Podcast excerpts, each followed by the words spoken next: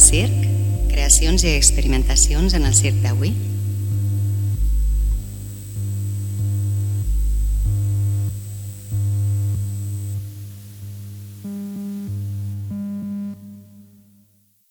Jo sóc l'Ester Blázquez, cap del projectes de mediació comunitària i estic acompanyada pel Víctor Bobadilla, coordinador artístic de la Central del Circ. Hola, Víctor. Hola, ¿qué tal? ¿Qué tal? ¿Cómo estás? Bien, entusiasmado. entusiasmado por el primer podcast. Sí, sí. Aquest espai volem, volem parlar sobre les últimes tendències i creacions del circ contemporani a Catalunya i també bueno, entenem que és un espai com de reflexió, difusió per artistes, creadores i amants de les arts escèniques. Avui ens acompanya l'Àfrica Llorenç, eh, que és artista i creadora de circ contemporani. Eh, hola, Àfrica, Bones. què tal? Molt bé, molt contenta d'estar aquí entre vosaltres i de fer aquest primer podcast.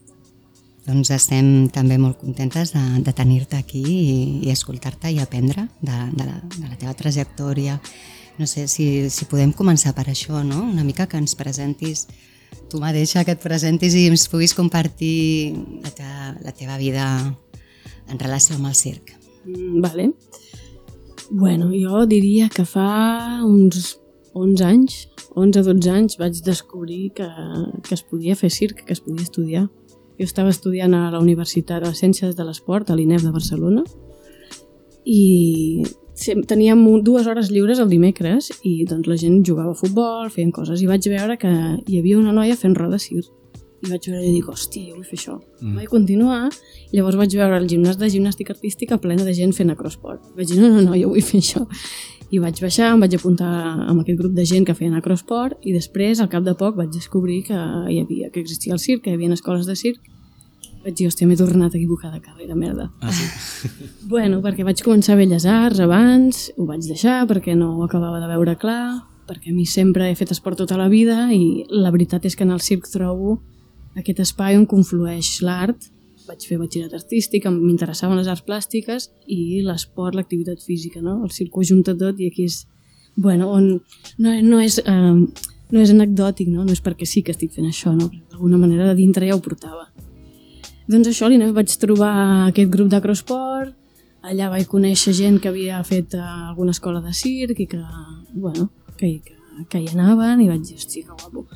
Abans d'acabar la carrera vaig voler fer audicions per a algunes escoles, mm, no va funcionar, no va anar bé, vaig descobrir la central del circ i vaig voler venir a entrenar, però a mi no em deixaven entrar a la central, perquè jo no era professional.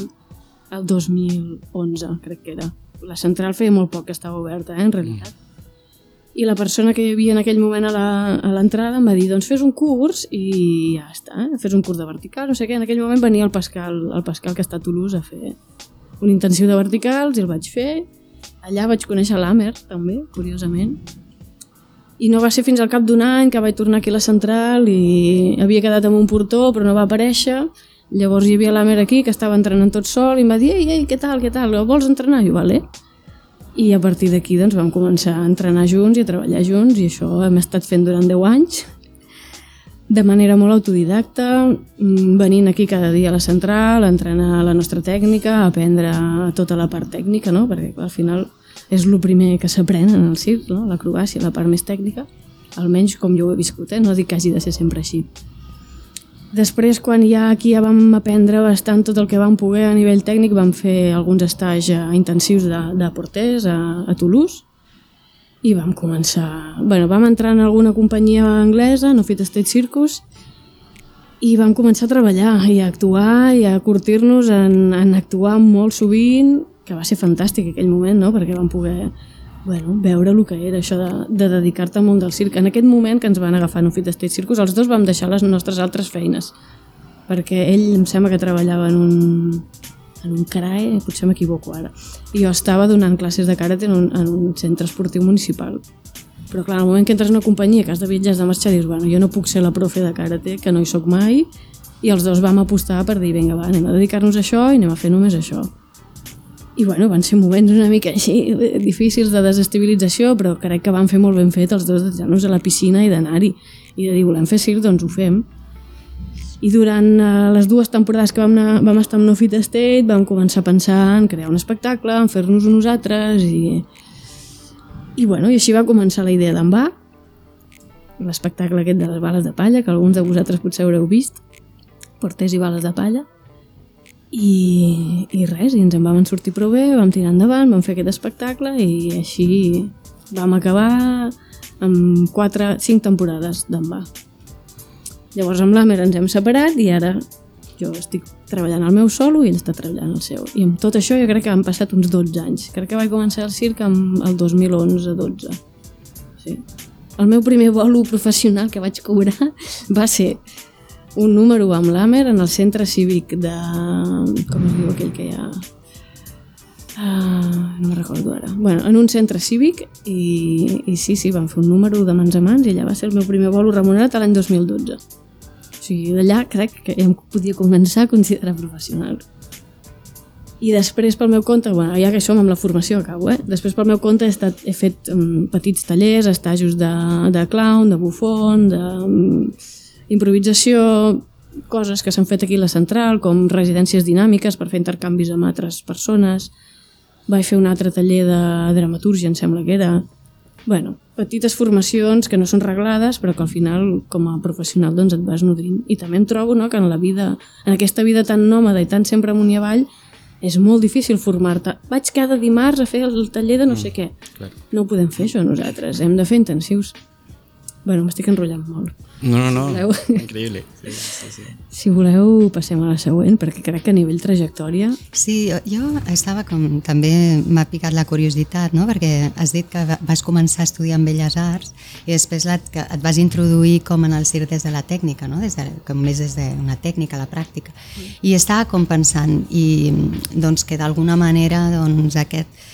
mm, Quan, quan, com va ser o, o de quina manera vas trobar aquesta fusió, no? de, de pensar també la pràctica de circ, perquè no tothom, no tothom mm, agafa com aquesta perspectiva com de, de creació també, no? i de, aquesta fusió entre, entre la pràctica de circ i la creació contemporània i després una altra cosa també que, que, que, que estava pensant mentre t'escoltava, doncs com et transforma la vida quotidiana i com et transforma el fet de- d'adquirir una pràctica com la pràctica de circ que comporta no? aquesta disciplina corporal que d'alguna manera reverteix amb, amb la teva pròpia pràctica i la teva pròpia creació. Aquestes dues coses, no sé, si ens pots... És una pregunta molt interessant. I també la meva trajectòria, com que he fet karate des de molt petita i vaig, a, vaig estar 20 anys fent karate i també he fet a nivell competitiu, he anat a campionats d'Espanya, d'Europa, vaig fer un campionat del món una vegada i cu- curiosament la pràctica del circ no difereix gaire d'una pràctica esportiva de rendiment. No gaire, perquè al final és dedicar moltes hores a un treball corporal on, on, que és intens, que és intens, amb impacte, depèn de la disciplina, hi ha disciplines que no són tan impactants com els porters o l'acrobàcia, però a nivell pràctica no, no em va canviar gaire la vida. Em va canviar, jo crec, eh, quan vaig trobar l'impàs més, més gran i poder més interessant va ser hòstia, amb el circ si m'equivoco no passa res. Justament una equivocació pot ser un regal. No? Jo venia del el karate és una disciplina bastant ferma, no? bastant tancada, les cates són d'una manera, els combats han de ser així i això, i la perfecció està, fas aquest moviment i ha de ser així. I si el fas fora d'aquí no està bé, per tant et, eh, no guanyes, etc etc. no? entrar al al món competitiu. Però en canvi en el circ, hòstia, a mi em va costar bastant d'entendre que un error o una cosa que no estava escrita, que no l'havia impactat, no sé, un gos que aborden al públic, tot, tot això a mi em costava moltíssim al principi. I era com, ai, merda, ho he fet malament, ai, ai, ai. Però després, a poc a poc, he anat aprenent que tot això pot ser algo amb el qual es pot jugar, algo amb el qual també es pot crear, no? I per mi ha sigut aquí realment on m'ha canviat la vida com a, com a creadora, si és que em puc gosar dir-me que sóc creadora. Ara crec que sí que ja ho puc dir, no? Però al principi dels anys de pràctica jo pensava, jo vinc a entrenar, faig acrobàcia i... Bueno, no em sentia autora tampoc, no? Així de... Sé, no sé si és perquè ho compartíem amb l'Amer o perquè a vegades la, prendre's una legitimitat de jo sóc autora creadora d'això, jo sóc artista, sembla que és una paraula que és com grossa, no? Bueno, no sé, m'he anat una mica per les pares, però sí que realment aquí el, el canvi, el clic va ser en això, no? Hòstia, quina diferència hi ha entre fer un esport i fer un, una activitat artística, no? És, és aquesta, és que el, el més important és la comunicació, no la proesa. Mm. O almenys ara avui dia ho veig així.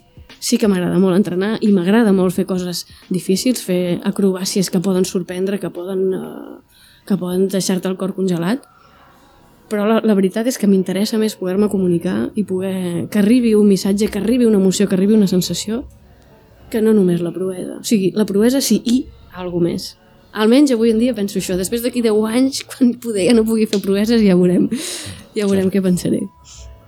Sí, i, i per exemple, estàs parlant molt de l'Amer, no? Sí, I potser la gent no sap qui és. Igual si, si l'introduïm una mica a la conversa, qui és, i també bueno, una, una pregunta també que, que ens suggereix això que, estàs, que ens estàs compartint. Aquesta relació no? que, que s'estableix amb, el, amb el company o la companya i què, què passa amb això també, no? I com, perquè hi ha com un vincle no? que, que d'alguna manera forma part també de la, de la teva vida i de la teva pràctica i què va passar o què passa una vegada que, que es desmunta aquest, aquest grup una, i, i com, com, com ho has viscut això també, no? Molt maca aquesta pregunta també. Sí, clar, és que jo crec que no estaria aquí i no estaria fent circ si no fos gràcies a l'Amer també, perquè clar, això no ho hem explicat, però jo he fet porters, jo sóc àgil de naixement, podria dir, perquè de molt petita ja feia castells i m'emparrava els arbres i ho tinc molt a dintre, no?, de pujar, pujar dalt i que et llencin i que et tirin. Sóc àgil, encara que també puc dir acròbata, i això, que l'Amer va ser el, el portor, el company de, de tècnica, el company de creació que vam estar bueno, creant i fent i entrenant i viatjant durant pràcticament 10 anys. I la relació és molt curiosa, és molt forta i, hòstia, sí que va ser realment una aposta personal també, perquè els dos vam decidir deixar les altres feines i, i posar-nos a fer això. I no fèiem pràcticament cap altre projecte creatiu. Eh? Els dos teníem la nostra companyia i fèiem el nostre espectacle. No és que, bueno, jo estic en dues companyies i faig això. No, no. Va ser com una aposta molt forta.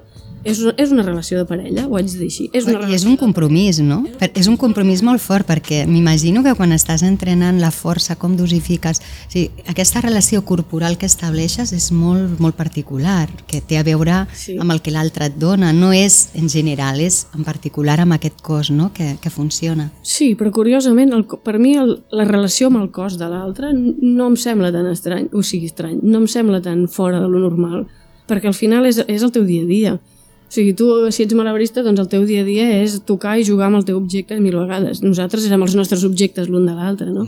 Per mi crec que poder el més curiós és la relació més enllà del dia a dia d'entrenar que evidentment també hi ha una cosa molt especial en els cossos. No? Jo sempre dic, una, dono un exemple molt curiós, que és que no, no hi ha una intimitat. Espero que l'Ames no li sàpiga greu que, que digui aquest exemple, no? però és, no hi ha una intimitat perquè estem tan avasats l'un al cos de l'altre que imagina't, eh? un dia pujo, pum, no sé què, fem un mapeu, baixo i em diu, tens la regla avui, oi? I jo, mm, sí. O sigui, la persona sap que per la meva manera de col·locar el pes sobre seu alguna cosa m'està passant. Wow. Llavors no es pot amagar res. I no cal amagar res tampoc. Mm. Però és curiós com hi ha una relació física, hi ha una relació emocional, hi ha una relació laboral, hi ha tot un conjunt de coses que pesen sobre aquesta persona que dius, hòstia, com algú vagi malament. I, i que sempre va, o sigui, hi ha moments que van malament les coses, hi ha moments que van bé, que són increïbles, i hi ha moments que, doncs, que, jo què sé, que has de fer 6 hores en furgo i no tens ganes de parlar amb aquella persona, o que estàs discutint i que dius, joder, vull arribar ja. Però després, que sempre passava, no? Actuem, fem un espectacle fantàstic, ha sigut increïble, tot el públic feliç, nosaltres també, i és com, buah, tio, hem estat sis hores discutint a la furgo, què ha passat aquí? Quina capacitat tenim de fer màgia junts? No sé, ha sigut un gran aprenentatge amb l'Amer tots aquests anys. Un aprenentatge de qui sóc jo, de què faig jo, què puc fer, de qui és ell i de com junts junts, en, nosaltres en parella amb escala petita, però si ens ajuntem, no, les persones del circ o del que sigui, quines capacitats tenim de poder emocionar, compartir, eh, estar, no? només estar i existir amb, amb la gent ja és molt maco. Bueno, no sé, estic super agraïda dia d'avui, estic molt agraïda d'haver conegut l'Amer i haver compartit amb ell, dintre tot el bo i el dolent. I ara vaig a respondre la segona pregunta, que és el moment de deixar-ho de la ruptura i tal, no? crec que va ser molt natural també, que els dos eh, estàvem ja una mica cansats de... Bueno, de sempre els mateixos estímuls, de sempre la mateixa persona, encara que els dos van fer alguna altra coseta, no? alguna substitució en aquesta companyia, alguna cosa per allà. Però sí, crec que no ens vam, poder, no ens vam saber donar prou espais com perquè volguéssim continuar amb la nostra relació, o senzillament que tenia moments de vida molt diferents, no? Ell, bueno, tenia més ganes d'estar aquí, d'estar amb la seva família i de... Això és el que entenc, eh? tampoc vull parlar per ell, però jo tenia ganes de marxar a un altre país, de, de conèixer altres maneres de fer, de, de, de posar-me en, en un risc diferent, no? I, i això, bueno, es va anar pagant, per dir-ho d'alguna manera, i els interessos també de cadascú eren diferents. I, i amb, bueno, en el moment de dir, va, deixem-ho, justament va ser l'any 2020, jo us ho explico aquí molt obertament, eh? va ser l'any 2020 que van dir, va, deixem-ho perquè això ja no s'aguanta per enlloc. Després va arribar el Covid i vam dir, espera, espera, espera, espera, veiem què passa. Momento. Un moment, veiem què passa, perquè just teníem bastants bolos al calendari encara l'any 2020, entre les cancel·lacions, no sé què, amunt i avall. Vam dir, fem el que puguem, veiem què passa en el panorama i després ja anirem fent. I, i res, es va, sí, es va ser molt fluid, molt natural com ens vam anar separant. Ara haig de dir, després jo al trobar-me sola, Ja. o sigui, que em naixessin les ganes de crear, això ja, ja va ser, de crear sola, a més a més, i de veure qui era jo sola. Què, què, què?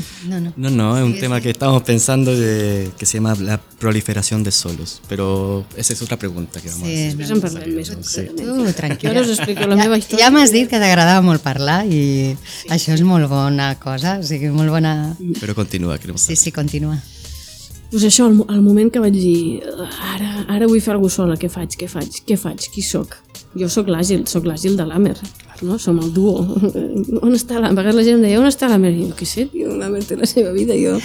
No, no, bueno, ja, també, també intentàvem a vegades no fer sempre coses junts, perquè si no... I no, va ser un moment va ser un moment difícil perquè a més a més també havia tingut una parella de una parella sentimental que ho vam deixar com dos pilars importants de la meva vida no? que eren el meu portó i la meva parella doncs eh, se'n van anar i feia broma i dic només em falta anar a viure en un altre país. I va ser curiós perquè després em van agafar a l'escola de, de Toulouse en el Lido i vaig dir ah, doncs ja està, les tres coses que d'això ja les estic fent. I va ser molt xulo perquè ha sigut un creixement molt interessant dir, dir jo tinc alguna a dir, jo sola. Jo puc fer alguna cosa. No faré la mateixa tècnica ni tindré el mateix tècnic d'una pràctica de durant 10 anys, perquè jo al terra, amb acrobàcia de terra i amb el meu cistell, doncs no tinc 10 anys de pràctica, en tinc dos.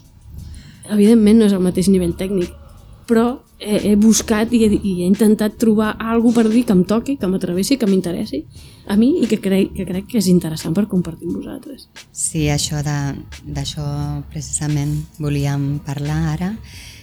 Una vegada que et quedes tu ja sola en, en aquest món no, de la creació, eh, pensàvem si, si havies... o sigui, amb aquesta relació no, i amb, amb aquesta pràctica prepares el cos amb l'altre no? I, i, amb, i amb altres grups, amb altres persones i què passa, o sigui, com, com és la teva, la teva relació amb el teu propi cos, com, com sents no? Aquest, aquesta transformació també i, i que, on t'agafes o què és, què és el que t'inspires per, per començar a crear des d'aquesta de, des de posició no? de, amb, amb, aquest, també amb aquesta estrangeria, amb aquesta transformació no? de vida i també així com per anar agafant com més imaginari abans eh, també estàvem parlant de, de com la pràctica de circ mm, et convida a una forma de vida concreta no? I, i, i, com vas mutant i transformant-te també els projectes transformen la teva vida o sigui que no és una cosa que quedi com aïllada sinó com això Sí. Transforma la vida...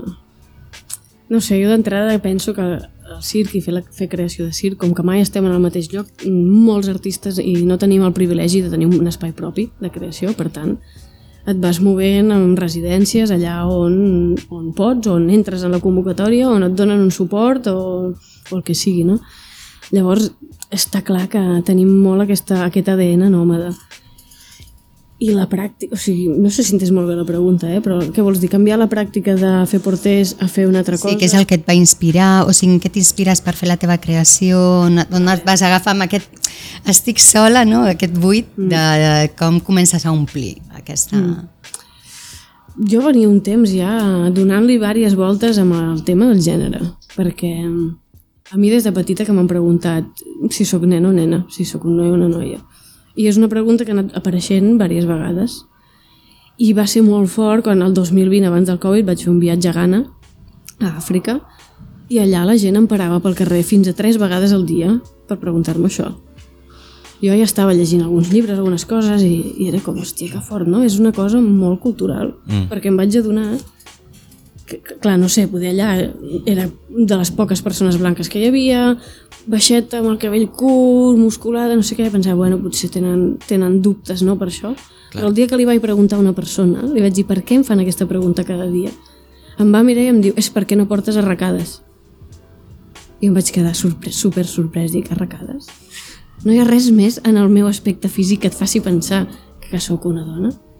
Ara, ara bueno, ja després parlarem de temes de gènere una mica més mm. concrets, eh? però allà me'n vaig adonar que això és, és totalment una concepció cultural, no? És, una, és un constructe. I, I, bueno, allà va ser com una petita llavor de dir, hòstia, això em, em passa, m'atravessa, per mi no és una problemàtica, però a partir d'aquesta pregunta tan innocent doncs he pogut descobrir tot un món, tota una filosofia, tot un, un munt de literatura i de, de persones que ja han pensat i reflexionat mil, mil anys enrere sobre aquests temes no? que, que m'ha interessat molt. I després va aparèixer el Covid, um, vaig estar confinada en el meu poble un, un, un temps i allà en el meu poble fan un festival de llegendes.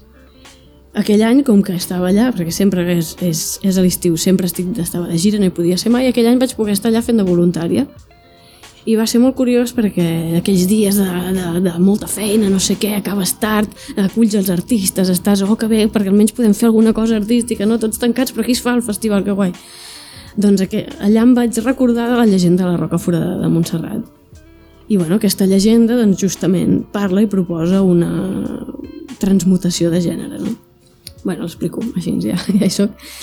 La llegenda de Roca Foradada diu que qui és capaç de travessar el forat de la Roca Foradada amb un cistell ple d'aigua, qui és home es converteix en dona i qui és dona en home. Això diu la llegenda cultura popular, que ningú sap qui l'ha escrit, no l'ha escrit ningú.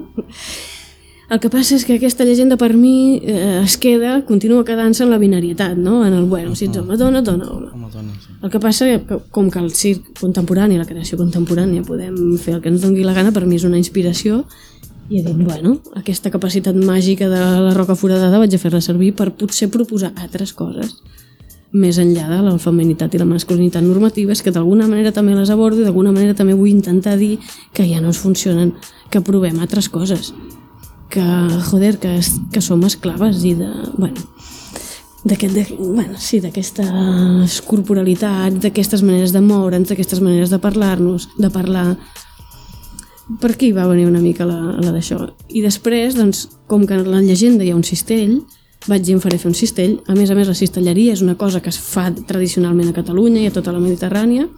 Vaig a trobar un mestre cisteller que m'ensenyi com es fa, que m'expliqui coses. No? I va ser molt guai perquè el Joan Ferrer, que és la persona que em fa aquest cistell, doncs, bueno, li vaig explicar el projecte, em va dir, sí, sí, sí, sí jo t'ho faig, tal i he passat temps amb aquesta persona i he pres una mica, no sé gaire, però he pres una, perquè com tot s'ha de practicar per poder fer peces ben fetes. Però és molt interessant no, veure quin coneixement té aquesta persona, que en Joan té 60 anys quasi, crec. Quins coneixements té i com la seva manera de moure, els sons que fa mentre està teixint els cistells, jo d'això m'inspiro també, no? de, de, d'aquestes mans, d'aquesta manera de, de trenar el vímet, de què significa no? un, unes fibres naturals trenades. I, i després també tenia la idea no, de, a través d'aquestes fibres naturals de vímet doncs, teixir ponts entre l'espai escènic i l'espai on hi ha el públic, perquè per mi els artistes no tenim la veritat absoluta, sinó que tenim, fem descobriments a la nostra vida a partir d'unes pràctiques i mira, tenim la sort i el privilegi de poder tenir un espai on compartir-ho. No? Llavors volia teixir un pont entre aquest públic que és observador i l'espai escènic i com a metàfora de que amb aquest tema del gènere o anem junts o compartim un espai junts o potser em sembla a mi que no anirem gaire lluny. Aquí, aquí està una mica la inspiració.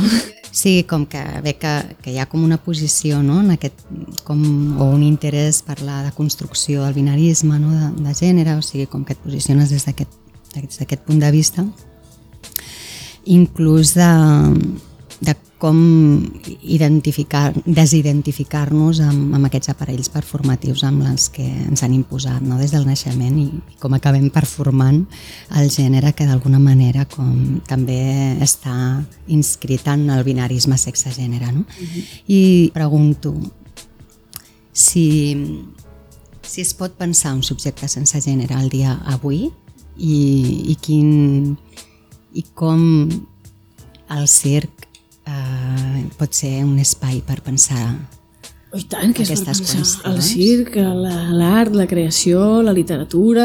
però com especi... ja, ja, bueno, és, Sí, és, ho hem de que- fer, eh, ho hem de fer, no? S'ha de fer que és com molt interessant com plantejar reptes, no? Reptes personals i col·lectius i que tra transformen de forma col·lectiva també mm. i com, la pregunta és com, ho- com ho estàs pensant des del circ quina especificitat mm, tècnica que, que hi ha molt, no? el treball corporal, perquè és, és, una, és intrínsec en la pràctica i, i com és un potencial absolut per, per aquesta...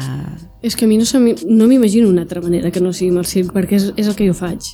És la meva pràctica, per tant, és, és el meu principal canal de comunicació que tinc.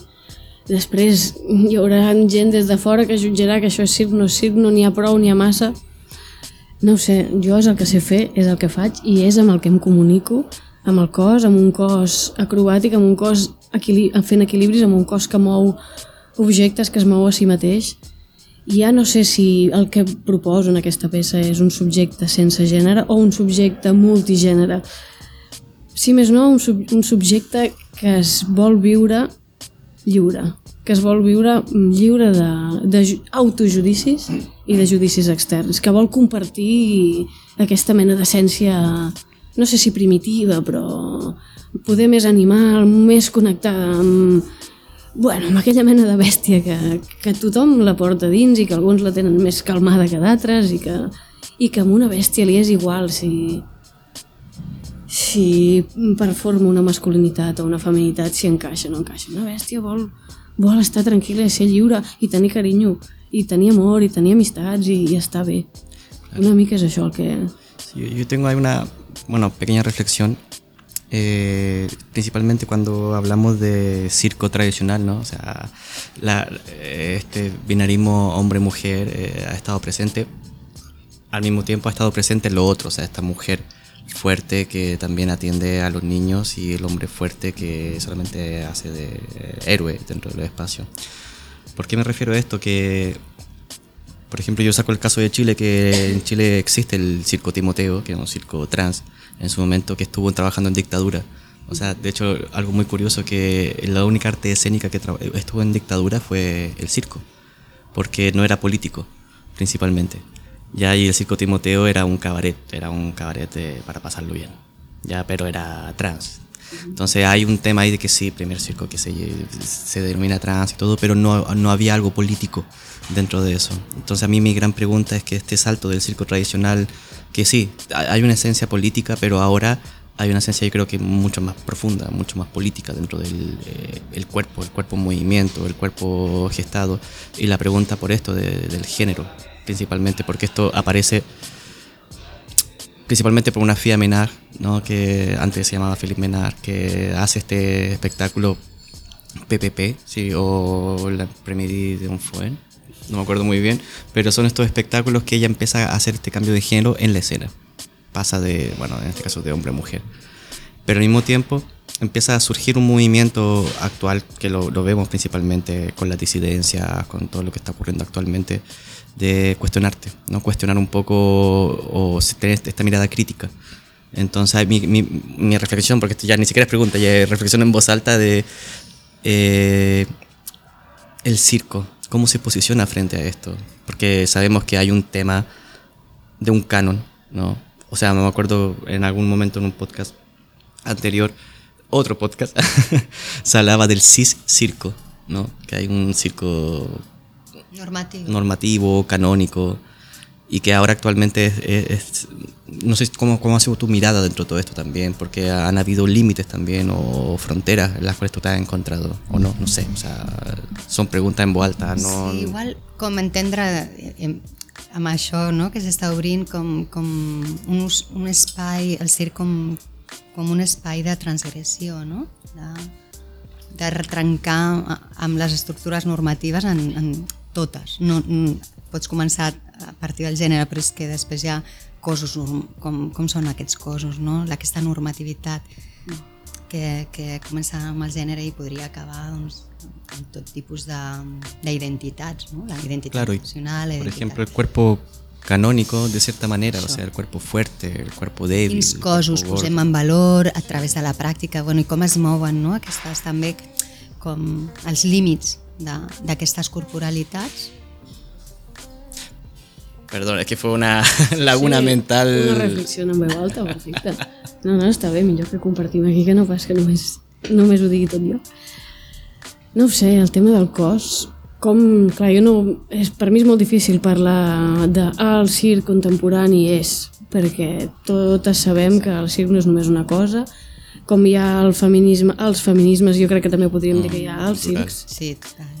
Um, perquè, hòstia, també en cada país, en cada regió, hi ha maneres diferents d'entendre'l i em costaria bastant de dir no, no, és que hi ha un cis circo, hòstia, no havia encara sentit aquesta paraula aplicada al circ, però o sigui, la manera com jo ho visc amb el tema del cos és jo necessito, per fer la, la pràctica que vull fer, al nivell tècnic que tinc ganes de fer, necessito tenir un cos disponible i sa. Bàsicament aquestes dues coses. I per poder arribar aquí necessito fer una preparació física, necessito fer una preparació artística on, on es puguin ajuntar aquestes dues coses per poder expressar el que vull expressar en escena. Per mi és com jo veig el, el meu cos i com necessito treballar-me'l i preparar-me'l per estar bé amb la feina que faig i després també per estar a gust amb el meu cos a la meva vida diària fora de, del circ, que com us he dit abans és poc. Mm. Després, el com s'entén el cos, a quins cossos posem en escena, quins no, si hi ha cossos negres, si hi ha cossos mm. blancs... Bueno, al final penso que hauria de, de passar per una visió crítica artística, una, una visió, o sigui, unes ganes de voler dir una cosa concreta. Si tu vols dir una cosa concreta, faràs servir un cos o un altre. Que el, dintre del circ hagi de ser d'una manera... Bueno, la, la majoria de disciplines són dures físicament, hem d'estar forts. N'hi haurà algunes que no, i, i és veritat que hi ha gent que no se la veu tan forta que, que fa acrobàcia, que són boníssims. I que, no, I que si tens una panxeta pots fer també un munt de coses. Si el teu cos respon i va bé, encara que tingui una panxeta, fantàstic. Justament el teu cos serà un cos diferent que el de la majoria de gent i potser serà interessant veure, serà molt més interessant veure un cos una mica grassonet fent acrobàcies de l'hòstia. Ara, després fa falta que les persones que dirigeixen espectacles pensin en vaig, vaig justament a buscar un cos que és molt hàbil però que és diferent d'un cos que ens estem esperant eh, d'acròbata o de ballarí de ballet clàssic. I com sempre, com que hi ha una norma que regeix la, la vida a qualsevol dels àmbits, ens costa una mica sortir a buscar aquella persona que no està dins de la norma, perquè no és visible, perquè no agafem i està aquí en el centre aquesta persona que no és normativa, sempre estan al marge. I mm, els que estan al capdavant de les creacions o del que sigui, anant al marge a buscar, doncs els hi costa una mica d'arribar a pensar vaig a buscar al marge, perquè primer busquen el, el que es veu més, que és el normatiu. I penso que és una feina que no tots els espectacles han de buscar cossos no normatius, no tots els espectacles han de buscar treballar amb, amb persones trans o amb persones migrades o el que sigui. Però penso que sí que està bé que en el moment de la societat en què ens trobem es facin aquestes reflexions i es busqui, es pensi, no? El mateix que si tenim un espectacle cinc homes que surten sense samarreta i una dona que surt amb un vestit molt sensual. Què vols dir amb això? Perquè no vol dir que estigui malament. Que aquest espectacle què em diu? De què parla? I què està parlant? De que hi ha violències sexuals i que és evident. Vull dir, al final, a la composició de l'equip ha de respondre a una inquietud artística, a una inquietud de comunicació i per mi no em vull posar en aquell lloc de dir això està bé, això està malament, hem de fer que tots els espectacles siguin paritaris perquè no sé què. No ho vull dir perquè si no responen un criteri o un valor artístic o sigui, també em costa una mica de posicionar-me aquí perquè és, una, és un lloc ètic complicat, no? perquè evidentment penso que hi ha d'haver-hi paritat, que s'han de donar oportunitats a persones que estan en el marge i que les persones que tenen més privilegis han d'aprendre a, a fer un pas al costat i donar espai per tothom però mm, no, no a tota costa, no ha de ser la norma això, no s'ha de convertir en la norma, Clar. perquè llavors on queda la voluntat artística de comunicació? No, no sé, jo no tinc una resposta clara sobre això perquè penso que encara s'està construint, ho estem construint i probablement serà una cosa fluida que no es, no es quedarà quieta i no direm ah, vale, aquesta és la llei i s'ha de fer així perquè la humanitat és canviant, els pensaments són canviants, els cossos són canviants. No? Si, ara, vaig a un altre tema, no? un cos que s'ha fet gran. Un acròbata de 70 anys, no sé si el coneixeu, el Tinga Tinga. Bueno, és un senyor de ara deu tenir 75 anys que continua estant a escena. I jo l'he vist fent porters, fent una, un, com es diu això, un cocodrilo a sobre de l'àmer. Un senyor de 75 anys. Hòstia, quanta gent arriba, arriba en aquesta edat amb un cos disponible per fer acrobàcia i amb les ganes i la voluntat de fer això. Perquè, hòstia, jo penso ara, fa 12 anys que em dedico al circ. Penso, d'aquí 10 anys encara ho voldré fer, això. D'aquí 10 anys encara voldré baixar, entrenar cada dia, fer no sé quantes mil hores de carretera, fer no sé quants viatges... No sé, no? També les inquietuds personals de vida també es van modificant i el cos es va modificant, no sé. I també és un tema, no? Com, com acompanyem aquests artistes que sí que es fan grans i volen estar en escena.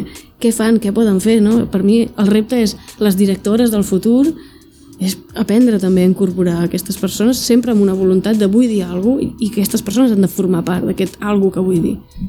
Bé, no sé si he contestat o m'he desviat una mica. No, i tant està, però mira, estava pensant, ostres, el tema de l'edat, no? De, és un tema de la vida i, i, i del com...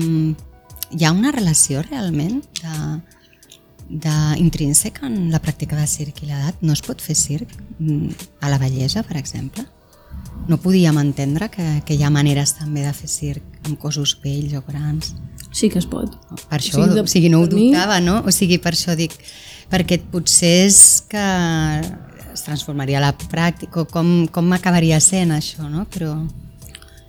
Jo no ho sé, perquè crec que la, la gent o sigui, el que vaig veient és a mesura que la gent es fa gran té ganes de fer un altre tipus de cosa una cosa que sigui menys impactant, que em faci menys mal al cos que no hagi de viatjar tant perquè al final és molt cansat viatjar tant mm, però sí que, sí que n'hi ha que, que li interessa i vol seguir estant en escena i, i no sé, evidentment que es pot fer circ. Treballar la sí. vulnerabilitat, no? O sigui, és com invertir o de construir totes aquestes idees de...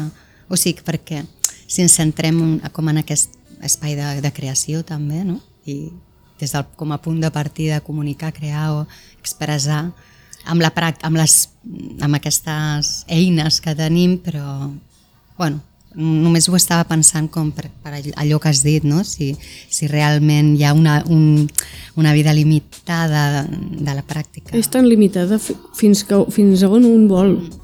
Quan tu dius ja no vull fer més això, faig una altra cosa perquè tinc un altre interès, és aquí on s'acaba, jo crec mm, em sembla que ens equivoquem dient no, no, jo quan tingui 50 anys ja no en faig més perquè és aquí la meva. O sigui, si ets gimnasta olímpic sí que se t'acaba. Mm. Se t'acaba perquè perquè funciona així el sistema. Però aquí es tracta, per mi el circ es tracta d'expressar i comunicar. Vull dir, què és més circ? Un doble mortal en una banquina o una persona fent un equilibri amb una ampolla sobre el cap? Al final, tot és circ, l'únic és de quina manera el col·loquem en escena per poder expressar un missatge o una imatge poètica o el que sigui. No hi ha edat, no hi ha edat. És fins on un té ganes de, de fer-ho. Per això jo també estava sí. més pensant en això, ¿no? No, sobre todo porque de repente pensamos los, los códigos, las categorías, cómo ponerle categoría a cada cosa y de repente eso aburre, ¿no? Como Mucho. Que el circo de cierta manera sea contemporáneo, tradicional y ahí pones, puedes colocar todo dentro de eso. Pero claro, eh, yo creo que la gran pregunta es, ponerle límite al circo, ¿no? Y sobre todo desde el espectro social, cómo la gente mira al circo. Entonces, no sé si tu espectáculo en algún momento se presenta como circo o no, o sea, cómo, cómo lo ha recibido la gente, si has, trabajado, lo has presentado, work in progress, ¿qué, te han dicho con todo eso? Em diuen que igual. Ah, sí? En general, no sé, els cops que he pogut presentar, la gent no els importa si és circ o no és circ. Surten d'allà amb una emoció, amb una reflexió, amb una abraçada i ja està. Després sóc jo qui fa la pregunta, bueno, però has trobat a faltar circ? Perquè clar, amb aquella cosa de, no, no, jo vull defensar això, jo vull defensar això perquè és el que he fet durant 10 anys. I la gent em diu, que, que, què? M'és igual. Ja, ja, ja, ja. I llavors dius, hòstia, clar, o sigui, si justament a l'espectacle vull intentar dir no m'interessen les etiquetes de gènere, com no m'interessen les etiquetes en moltes coses, tampoc m'interessen en un espectacle. Vull dir, si m'ho demanen, si algú em diu "Mm, i què fas? Fas un solo de què? Ah, Si la subvención al programador te pregunta. Clar, en algun moment s'ha de fer aquest esforç no? i dir, vale, doncs jo dic que faig circ perquè és la meva pràctica de la gran part de la meva vida artística i després quina altra cosa hi poso darrere del circ, perquè clar, podem dir circ contemporani, circ actual, circ híbrid, circ, eh, No, nuevas tendencias. circ punk, circ... Eh, no ho sé, a mi crec que últimament m'agrada dir-li que és híbrid, perquè no només faig circ, també ara podem parlar de què és circ i què no, que no acabarem mai, però m'agrada dir que és hibridat perquè sento que hi ha més coses més enllà de, del circ i del risc. Ara, quines coses són? Uf, és que, no sé, tu, tu a la vostra vida diària no dius, no, ara sóc no sé què, ara sóc allò, ara... Tu vas fent, vas fluint i, i ja està, i així ens et trobes. No? Jo, jo volia parlar d'això amb una cosa de Bimat i amb el meu cos i l'acrobàcia que sé fer. És circ o no és circ? A mi el que més m'interessa és que la gent surti d'allà amb algú, amb algú a la butxaca, al cor, i ja està. I evidentment que defensaré el circ, perquè... Però, però per mi no és tan important l'etiqueta. Y a, a nivel de referencia, o sea, no sé, se me la imagen, no sé, todo el trabajo de Paul Preciado, pero ¿y tú qué, qué otras referencias también? Porque cuando hablas de la fluidez, me imagino lo líquido de Sigmund Bauman, que habla de la sociedad líquida, que la sociedad ya no es sólida, no se toca, sino que corre por las manos, es fluido. No sé, o sea, son cosas que a mí se me vienen a la cabeza a nivel muy ignorante en este momento, pero dentro de tu creación, ¿qué referencias han habido? Sean teóricas o espectáculos o procesos. Mira, una de les primeres mm, lectures que em va inspirar molt va ser La mà esquerra de la foscor de la Úrsula K. Le Guin, que ella, en un llibre de ciència-ficció, en realitat proposa un, un món, un altre planeta, un altre planeta on hi viuen humans, que, no, que, no tenen, que són hermafrodites, que no tenen gènere, només un mes, una setmana al mes, perdó, eh, són homes o dones i durant tota la seva vida poden ser o una cosa o l'altra. Durant tota la teva vida tu pots haver tingut, sigut pare i mare de diferents criatures. Per tant, la maternitat és compartida amb tota la població. Tota la població pot ser pare o mare, no? I el llibre comença, o hi ha una frase molt important que diu el rei està embarassat. O sigui, el rei està embarassat. O sigui, d'entrada hi ha una de les figures més importants de la política de, del món, està embarassat i dius, hòstia, igual que una vegada que vaig llegir una entrevista, em sembla que era la Brigitte Vassallo, que deia que la seva parella era un home embarassat, no? una, una, un home trans que va mantenir, no, no es va fer cap operació i que al cap d'un temps doncs, es va embarassar. No? I em va encantar tant aquesta imatge, i dic, hòstia, és que clar, això és una imatge molt potent i molt transgressora, perquè ningú està acostumat a veure un home embarassat, no? un, un home una persona que, que té una masculinitat evident, no? un pèl a la cara, evident per, per, per aquí, per Occident i per Catalunya, Espanya, no? per, o sigui, un home és un, poder ser això, una persona que té molt de pèl a la cara, que és corpulenta, que té una veu greu, etc. No sé, em va semblar una imatge molt transgressora. Després Preciado també m'ha inspirat molt per la seva manera de, no sé, d'abordar tota aquesta temàtica i ell dintre del seu llibre de Testo Yonki parla també de la seva pròpia experiència de transició, no? I no sé, ara fa temps que el vaig llegir Preciado i no et sabria dir una cosa concreta que m'hagués tirat molt, però és que m'a- m'agrada molt com aborda i com, quines altres referències et dona al voltant de, del gènere per poder-lo concebre d'una altra manera, per poder entendre que és una performance, per poder mm, veure que podem sortir també d'aquestes mm, coses que hem après, no? d'aquestes performativitats que hem après de molt petits, per poder sortir de ai, estic embarassada, què és nen o nena? Primera pregunta. No sé, que sigui el que vulgui, no? Altres referents, altres referents. Mm. D'espectacles que parlin d'aquestes temàtiques no n'he vist gaires, haig de dir. Ah, sí. Espectacles escènics. Sí, això, ara que estàs, has agafat el tema aquest, ja trobes com, com un context amb el que et pots inscriure a nivell col·lectiu, de dir mm, companyes, persones, eh, artistes de circ en el que esteu, que pugueu estar com pensant aquest tema i... O sigui, hi ha, hi ha, Bueno, hi ha context? jo... O et trobes una mica aïllada dintre d'aquest d'aquest espai de creació? No, hi ha, hi ha gent que, Hi ha context. que està per aquí parla, parlant i pensant i creant amb, amb aquestes idees, no? Però jo he de dir que amb, amb, amb la Vero, amb la Vero Capozzo hem tingut converses molt interessants que m'han ajudat molt també a abordar i avançar en aquest tema. Um, hi ha més gent que fa, que fa i que parla sobre això. I sí, entre la Vero i la Gina, doncs, ostres, ens hem acompanyat bastant a l'hora de poder abordar aquest tema. Jo haig de dir que no sóc especialment activista, que no. Tinc un grup de gent amb qui sortir al carrer i reivindicar drets varis sobre aquest món, sobre aquest tema i aquest món, però no sé, a partir de la literatura, a partir de les pròpies reflexions, a partir de pel·lícules, jo he tingut ganes de parlar d'això. I no tinc, i dic i torno a dir, reitero que no tinc pas la veritat absoluta i que jo he fet un descobriment, una troballa durant aquest procés, durant aquestes reflexions que tinc ganes de compartir i que segurament d'aquí 5 anys ja serà obsolet i que haurem de parlar d'una altra cosa. Tant de bo, d'aquí 5 anys ja no haguem ja. de parlar d'això, més aviat. I, i, i què més? Ah, sí, que estaves parlant que no, potser no tenies referents escènics o així com, com si literaris i que potser no t'havies com trobat amb, Sí, estic fent memòria eh, de veure quin espectacle he vist que digui, oh, això em va interessar molt per la manera de tractar el gènere, però ara no em ve. Poder, si demà m'arriba, us ho diré. Lo editamos. No, pero a nivel general es una realidad. O sea, a mí me pasa mucho que a nivel no solamente espectáculos de circo, sino de espectáculos tanto de teatro, de danza, hay, que los hay, pero algo que te marque, que te deje la cabeza, eh, por lo menos acá en el territorio, ni amo. ¿No? Como... O sea, yo pienso siempre en Fia Menard desde Francia, ¿me entiendes? Porque fue una tendencia y es artista trans. Eh, en literatura, yo que vengo de Chile, pienso en Pedro Lenivel principalmente. Sí, eh, hija de perra también, como artista trans. O sea, como que desde la disidencia. Aquí también hay artistas disidentes. O sea, pienso en la Mari Carmen, mm. en Axel, Victoria Signes, que están también con un proceso de creación, pero mm. claro, ellos están en un proceso en este caso desde lo emergente hacia un, un desarrollo profesional. Pero artistas ya con muchos años de trayectoria.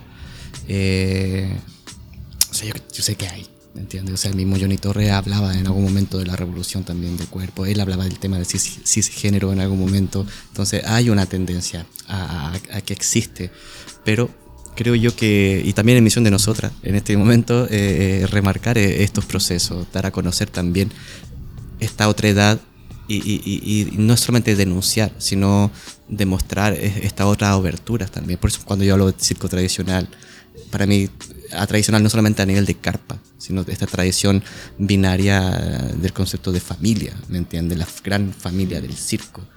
¿Me entiendes? Como que todavía estaba ese concepto de que hay un patrón de fondo, un, hombre que dirige una empresa y que finalmente el resto obedece, algo casi jerarquizado. O sea, eso lo digo yo porque fue lo que vi en el circo Los Tachuelas o lo veo en algún tipo otro de circo, pero es mi lectura súper individual en este momento pero que a veces se repite en otros patrones cuando tú formas una empresa de circo. ¿Quién es el jefe? ¿Quién es la jefa? ¿Quién? Mm, no sé, para mí un, también un tema de... se cruza con la racialidad, con el género y con la lucha de clase también. Y aquí es donde entramos en otros temas más profundos, pero no es la idea. Sí, sí, però si mirem el circ com un, una microlupa no? de tota la societat, el circ o la gent que practica circ és és evident que és una representació en microescala del que és el món i poder, podríem dir que tenim una part més lliure perquè ens dediquem a l'art i tal, però em sembla que al final és, és, és el mateix, no? I passa, és un, és un petit exemple del que hi ha, no? Um, parlava sobre és que em costa una mica a vegades estructurar bé els pensaments per poder-me explicar. No, pero tranqui, mira, nos quedan 10 minutos, ah, bueno. entonces no sé si hay dentro de las preguntas hay o pasamos también, porque finalmente el gran tema es el, eh, el, este, este, este, este podcast va dedicado al tema de circo. Entonces, ¿cuál es la necesidad de hacer un podcast de circo? Para mí, una pregunta que tiene una respuesta inmediata, pero muchas veces no ¿Y a qué me refiero muchas veces no? Es como quién lo escucha principalmente. Yo sé que lo escuchan espectadores, gente, pero tratar estos temas principalmente no es solamente hacer una entrevista por hacer la entrevista, no es TV3 ni el canal de televisión entrevistando a Juana Dolores el mundo enojado. Va más a profundizar también estos aspectos de dónde nos estamos situando actualmente a nivel de creación, de autoría, eh, esto mismo, esto mismo del tema de la proliferación de solos, que no es una proliferación, o sea, se ha demostrado también que hay compañías que trabajan en colectivo y que lo hacen muy bien. Ahora actualmente en tanto dúos, tríos como colectivos. Pero hubo un momento en pandemia, creo yo, que, que fue este proceso de decir, voy a crear mi solo. No lo sé, lo hablo más desde la ignorancia, pero por ejemplo Amer empezó con su solo y tú empezaste con tu solo. Eh, pero esto no quiere decir que hay otras personas. I que sí, que lo hay también. Ja. Sí que és veritat que últimament sembla que hi hagin més solos que abans, però... I que va ser per la pandèmia. Home, clar, la gent estava sola o compartint amb les seves famílies i companys de casa no podien fer massa més cosa que començar a crear la seva cosa amb si mateix o amb els companys de casa. Llavors poder sí que respon una mica en això, no sé si és degut a la pandèmia només. Nosaltres no va ser per la pandèmia, va ser per el que us he explicat abans, no? d'aquest final natural i, i mira, ha donat la casualitat que cadascú ha volgut fer un solo i no juntar-se amb altra gent i fer altres coses. Exacte, sí. Que a veure, jo estic començant altres projectes també amb altres persones, eh? també estic en una companyia a França i bueno, no és que digui només faig el meu solo perquè ara, o sigui, sí que vull fer el meu solo i en tinc moltes ganes i penso que és un pas també de, en el creixement personal i no tothom ha de fer un solo, eh? tampoc vull dir, a mi m'ha vingut de, de gust fer això i és per lo que he apostat i realment estic aprenent molt i creixent molt i jo convido a que les persones facin un solo a la seva vida perquè s'aprèn molt però també és molt interessant treballar en col·lectiu i també s'aprenen altres coses i s'aprèn molt de la humanitat i del compartir i del poder parlar de diferents idees, diferents maneres de, de veure, entendre l'acrobàcia, entendre el circ. I estem, estem parlant dels solos i, i també eh, has explicat una mica, no? O sigui, però per què foradada? Per, per la llegenda de la Roca Foradada. Ah, perquè es diu forada, Roca Foradada. Principalment per això, per la llegenda. El que passa és que sí que hi poden haver... A mi m'agraden molt els noms que tenen diverses lectures. Els Ja. noms, els espectacles, la, les coses que et pot llegir i altres coses, no? I, bueno, una ànima foradada, un, un, un cos que té un forat, és que li falla alguna cosa. Clar, és que és potent, perquè jo no sabia que era per la llegenda i d'entrada, no? Foradada és com que impacta com a un cos foradat. No? Ja ho veureu, però és bastant emocional. Bastant, sí. Passen moltes emocions per al cos que viu l'experiència en escena i per les persones que, que estan allà compartint això. Per mi és, sí, sí, és, és realment un viatge bastant fort a nivell emocional, a nivell físic, ja us he dit, no faig grans proeses, però ho dono tot, m'agrada molt donar-ho tot i m'agrada molt poder veure les persones als ulls quan estem allà, donant-ho tot i no sé, per mi està aquí la clau i foradada, bueno, ja, ja ho veureu ja interpretaràs el que vulguis però sí que per mi també hi ha com una cosa de hòstia, aquí hi ha un buit aquí hi ha un buit, falta alguna cosa cap on, cap, com el podem omplir com podem trobar una manera col·lectiva de reconduir o, o de transitar aquesta foradada no? ¿Cuándo es el estreno? ah, 5, 6 i 7 d'octubre a la Fira Mediterrània de Manresa Así. I pel que estàs dient, a, a, diguéssim que l'espectacle es va construint també amb, o redefinint amb l'experiència amb el públic i això? Hi ha com una, una part important de... Sí, a mi a mi m'agrada i m'interessa molt poder-lo anar a fer retours i, i veure com, com es llegeixen les coses, com s'interpreten i cap on es va, no? Mm, D'aquest tema de la legitimitat, no? Qui sóc jo per parlar d'això? Eh, on em col·loco per parlar d'això? I una vegada que van venir un, sí, que van venir un parell de persones una persona trans i una persona no binària i joves, justament, haig de dir que eren bastant joves i em van fer un retur que quasi em poso a plorar dic, vale, tranqui, anem bé anem bé per aquest camí, perquè es van sentir interpel·lades es van sentir molt respectades i, i els hi va agradar, els hi va interessar i fins i tot van riure en algun moment. Llavors dic, vale, anem per bon camí perquè jo l'últim que voldria és ofendre algú del col·lectiu trans o del col·lectiu LGTBI al contrari, m'agradaria que les persones justament que no són d'aquests col·lectius puguin empatitzar d'alguna manera amb les que sí ja no, no cal que es faci res, no? però que almenys s'obrin preguntes i es pugui empatitzar amb, amb, amb aquestes persones. amb aquestes i amb qualsevol persona que es, que es trobi en, encastrada no? a dintre d'una feminitat, masculinitat normatives i que es pregunti, poder, hòstia, si ho faig d'una altra manera, potser, per què faig això? Per què em comporto així? Pues això, vindreu a la Fira Mediterrània, 5, 6 i 7 d'octubre. Encara em queden 6 setmanes de creació, porto pràcticament dos anys.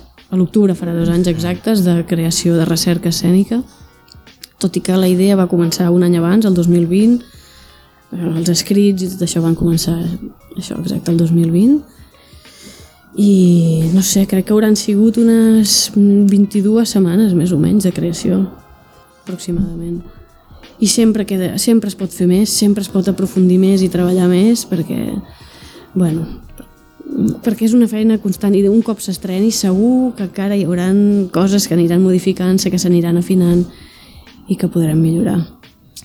¿Y quién te ha acompañado en la mirada, dramaturgia? Sí, la, la Gina Vila. La Gina Vila m'ha acompanyat bastant des del principi i després la Vero ha vingut, la Vero Capozzo li ha vingut en algun moment puntual per, per parlar, per veure, per fer algunes reflexions. Elles dues principalment. Després també hi ha una altra persona que fa la creació sonora, que és el Mau Pasqual. I, i bueno, sí, vols que et digui tota la fitxa artística? No, no, para saber cómo quienes están también son còmplices. Sí, des de mirada externa. Sí que la Gina m'ha ajudat molt perquè ha sigut molt present i hem pogut eh, prendre decisions juntes, encara que algunes les he hagut de prendre jo sola. I la veritat que és una tia que mm, ho fa molt bé, m'acompanya molt bé, veu el que necessito, m'apreta allà on pot apretar perquè puguem anar a llocs on jo no he anat mai i a més a més de forma segura. Mm. O sigui, de forma segura i arriscada. I això és el que a mi més m'agrada de fer aquesta creació perquè estic aprenent moltíssim. Però sí. l'autoria eres tu. Sí. Sí, sí. La Gina viene, però no moltes setmanes, eh? No, no, no. Jo sí, firmo jo, de moment. Bueno, estamos llegando casi al final. Sí. Bé, doncs, Àfrica, moltíssimes gràcies per compartir amb nosaltres la, tota la teva experiència i un gust tenir-te aquí a la central del circ. Y Víctor, ¿cómo... ¿Cómo se ve? no, muy bien, o sea, el propósito es este, principalmente, poder hablar sobre temas que identifiquen al CIR en un propósito de búsqueda, de reflexión, experimentación, pero también invitar a la gente de la casa que lo puedan disfrutar. Así que de verdad te agradezco mucho que seas la primera persona acá. Y bueno, a, a, continuar. Seguimos, ¿no? Y Esther, muchas gracias también. Gracias a, a vosotras y nada, encantada. Que continuïn els podcasts i vingueu, veniu artistes, veniu aquí a parlar, a compartir i, i a fer créixer aquest circ que li anirem dient de moltes maneres perquè com la identitat és fluida, el circ també és fluid i entre totes l'hem d'anar construint i modificant. Exacto. Molt bé. Muchas gracias. Chao. Adeu. Adeu.